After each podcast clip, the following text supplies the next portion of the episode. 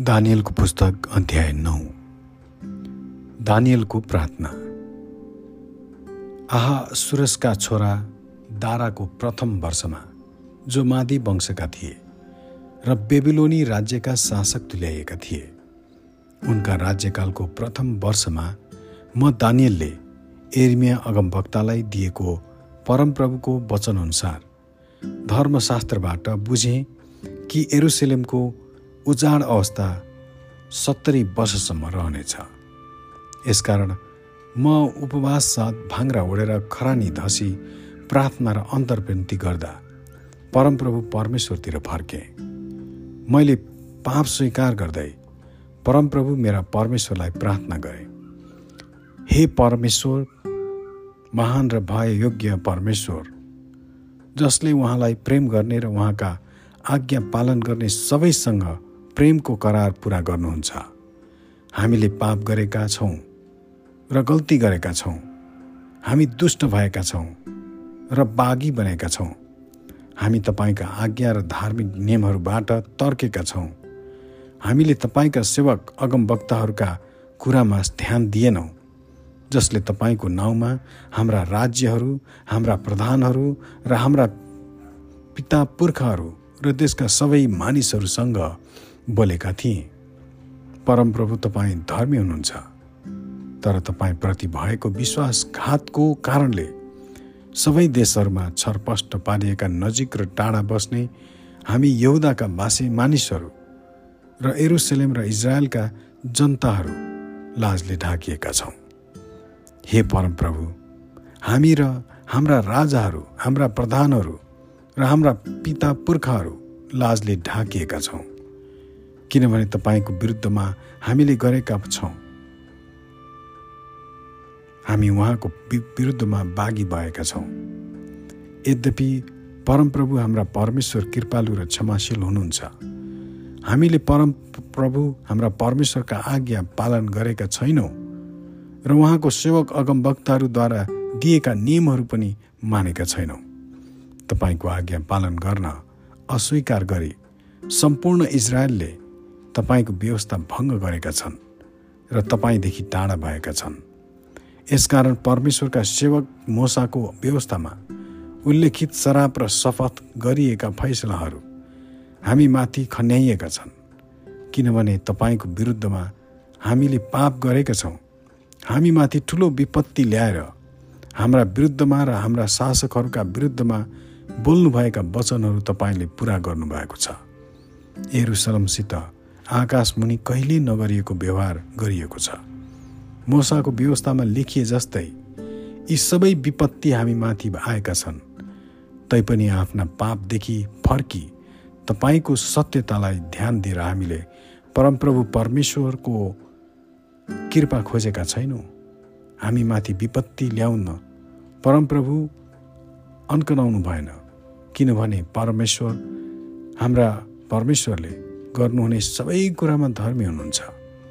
तापनि हामीले उहाँको आज्ञा मानेका छैनौँ।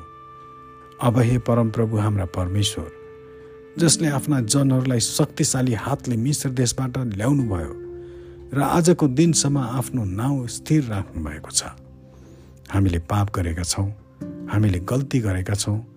हे परमप्रभु तपाईँका धार्मिक कार्य अनुरूप तपाईँको सहर तपाईँको पवित्र डाँडा एरुसलेमबाट आफ्नो क्रोध र रिस हटाउनुहोस्। हाम्रा पाप र हाम्रा पिता पुर्खाका अपराधले गर्दा एरुसलेम र तपाईँका मानिसहरू हाम्रा वरिपरिका मानिसहरूका सामु गिल्लाका पात्र बनेका छन्। अब हे हाम्रो परमेश्वर आफ्नो दासको प्रार्थना र अन्तर्विन्ती सुन्नुहोस्।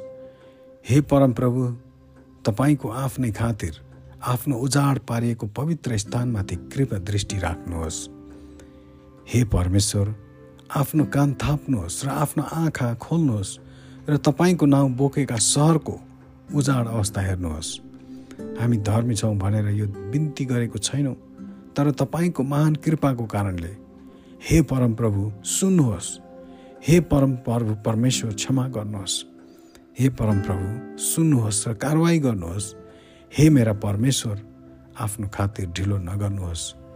किनभने तपाईँको सहर र तपाईँका मानिसहरूले तपाईँको नाउँ बोकेका छन्।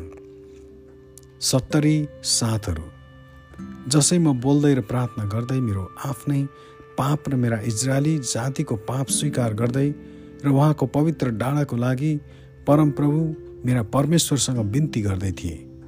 जसै म प्रार्थनामा नै थिएँ। पहिलेको दर्शनमा मैले देखेका मानिस ग्याब्रियल साँझका बलिदानको समयमा बेगसँग उडेर म कहाँ आए? उनले मलाई आदेश दिएर भने हे दानियल अहिले म तिमीलाई अन्तर्ज्ञान र समझ दिन आएको छु। तिमीले प्रार्थना गर्न थाल्ने बित्तिकै प्रार्थनाको उत्तर दियो जुन चाहिँ तिमीलाई बताउन म आएको छु। किनकि तिमी अति सम्मानित छौ। त्यसकारण सन्देशलाई विचार गर र दर्शन बुझ। तिम्रो जाति र तिम्रो पवित्र सहरको निम्ति अपराध खतम पार्न पाप समाप्त गर्न दुष्टताको लागि प्राश्चित गर्न अनन्त धार्मिकता ल्याउन दर्शन र अगमबाडीलाई मोहर लगाएर बन्द गर्न र महापवित्र स्थानलाई अभिषेक गर्न सत्तरी सातहरूको आदेश तोकिएको छ। यो जान र बुझ एरुसलेमको पुनर्स्थापन र पुनर्निर्माण गर्न यो आदेश जारी गरेको समयदेखि अभिषिक्त जन अर्थात् एक शासक नाउन्जेलसम्म सात साथहरू र बैसठी साथहरू हुनेछन्। गल्ली र सुरुङहरूसहित यसको पुनर्निर्माण हुनेछ। तर दुःखको समयमा बैसठी साथहरू पछि ती अभिषिक्त जन हटाइनेछन् र तिनीसँग केही पनि रहने छैन। शासकका मानिसहरू आएर त्यस सहर र पवित्र स्थानलाई विनाश गर्नेछन्। अन्त बाढी झैँ आउनेछ। लडाइँ अन्तसम्म रहनेछ। र उजाड अवस्थाहरूको आदेश जारी भएको छ। धेरैजनासित एक साथको लागि तिनले एउटा करारको सदर गर्नेछन्। साथको बिचमा तिनले बलिदान र भेटीलाई समाप्त गर्नेछन् अनि मन्दिरको एक भागमा तिनले विनाशकारी घृणित थोक खडा गर्नेछन् जबसम्म तिनीमाथि आदेश गरिएको अन्त खन्यानी छैन। आमेन।